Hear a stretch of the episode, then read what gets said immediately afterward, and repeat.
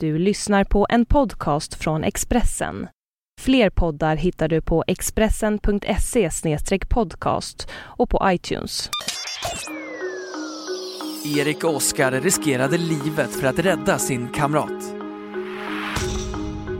Det här är Expressen Dokument. Varje dag med mig, Johan Bengtsson, som idag läser Mikaela Möllers text om att de gjorde en insats i Afghanistan och idag får de medalj. Deras kamrat sprängdes i luften. Erik Eklund, 25, och Oskar Ekstrand, 24, sprang för att rädda honom med risk för sina egna liv. Jag trodde att det var kört, säger Erik Eklund. Idag på Sveriges officiella veterandag får alla tre ta emot medaljer av kungen.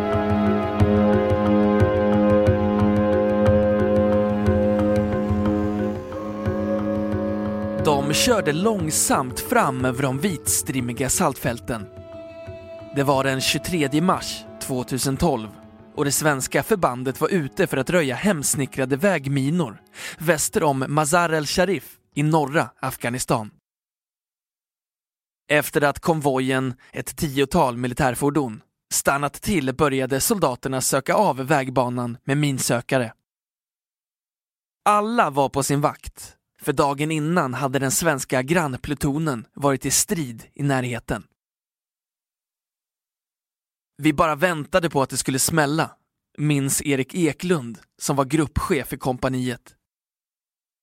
Plötsligt kom explosionen. En av soldaterna slungades fem meter upp i luften och sju meter åt sidan.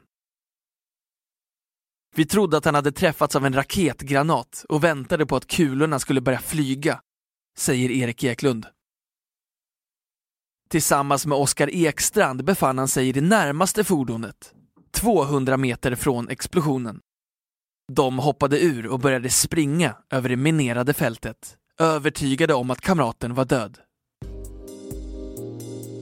När de kom fram kastade sig Oskar i eldställning för att vänta på att försvara dem från möjliga attacker, medan Erik tog hand om den skadade soldaten, den jämnårige Roger Ivholm.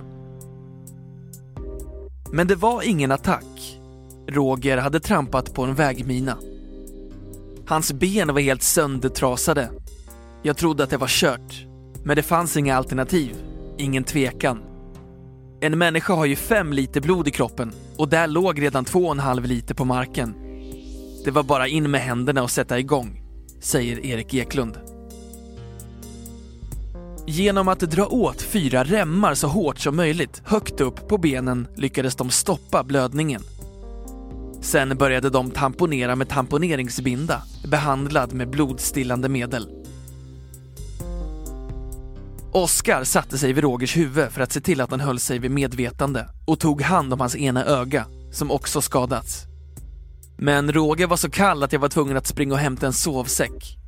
Då sprang jag verkligen i mina egna fotspår över fältet. Det var inte roligt, säger Oskar Ekstrand. Efter några minuter kom två sjukvårdare från plutonen dit och hjälpte till. Sen kom ett team med läkare som gav smärtstillande. Efter 40 minuter kom amerikaner i helikopter och tog Roger till fältsjukhuset i Marmal. De som såg explosionen var övertygade om att han inte skulle överleva. Men efter en amputation av båda benen kunde de tyska läkarna på fältsjukhuset konstatera att han mirakulöst nog hade klarat sig. Det är bara svenskar som överlever den här typen av skador, sa de. Erik Eklund förklarar. Det finns ett ordspråk bland alla soldaterna i Afghanistan som lyder Gud är svensk. De tycker att vi haft sån tur. Att folk som inte borde ha överlevt överlever. Men det beror på att vi prioriterar sjukvården i utbildningen, så lägsta nivån är hög. Enligt läkarna hade Roger Ivholm inte ha överlevt utan Erik Eklunds och Oskar Ekstrands snabba agerande.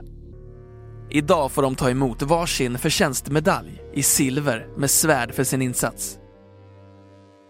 Enligt ett regeringsbeslut 2010 är den 29 maj numera Sveriges officiella veterandag.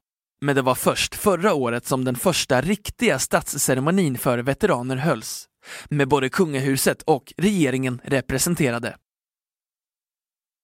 Veterandagen är till för alla veteraner. Från nationella och internationella insatser med och utan vapen. Från Försvarsmakten, Polisen, Sida, Kriminalvården, Folke Bernadotte-akademin med flera. I år får 31 personer ta emot medalj. Däribland alltså Erik Eklund och Oskar Ekstrand för deras agerande den 23 mars i fjol. Men känner de sig som hjältar? Nej, svarar Oskar Ekstrand. Vem som helst hade gjort samma sak. Vi var bara på rätt plats. Det är såklart jättekul att få medalj, men det är ju vad man har gjort som räknas, säger han. Erik Eklund och Oskar Ekstrand blev kompisar i lumpen och har hållit ihop sedan dess. Erik har varit i Afghanistan tre gånger och Oskar två. Båda vill göra utlandstjänst igen, men gärna i ett annat land. Du har hört Expressen Dokument, ett fördjupningsreportage om att Erik och Oskar får medalj för sin insats i Afghanistan av Mikaela Möller, som jag, Johan Bengtsson, har läst upp.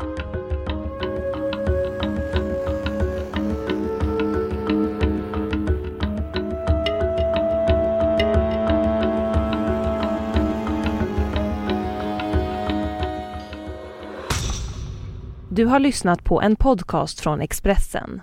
Ansvarig utgivare är Thomas Mattsson. Fler poddar finns på Expressen.se och på iTunes. Ett poddtips från Podplay. I podden Något Kaiko garanterar östgötarna Brutti och jag, Davva, dig en stor dos skratt. Där följer jag pladask för köttätandet igen. Man är lite som en jävla vampyr. Man har fått lite blodsmak och då måste man ha mer. Udda spaningar, fängslande anekdoter och en och annan arg rant. Jag måste ha mitt kaffe på morgonen för annars är jag ingen trevlig människa. Då är du ingen trevlig människa, punkt. Något Kaiko, hör du på Podplay. Därför är gardinerna.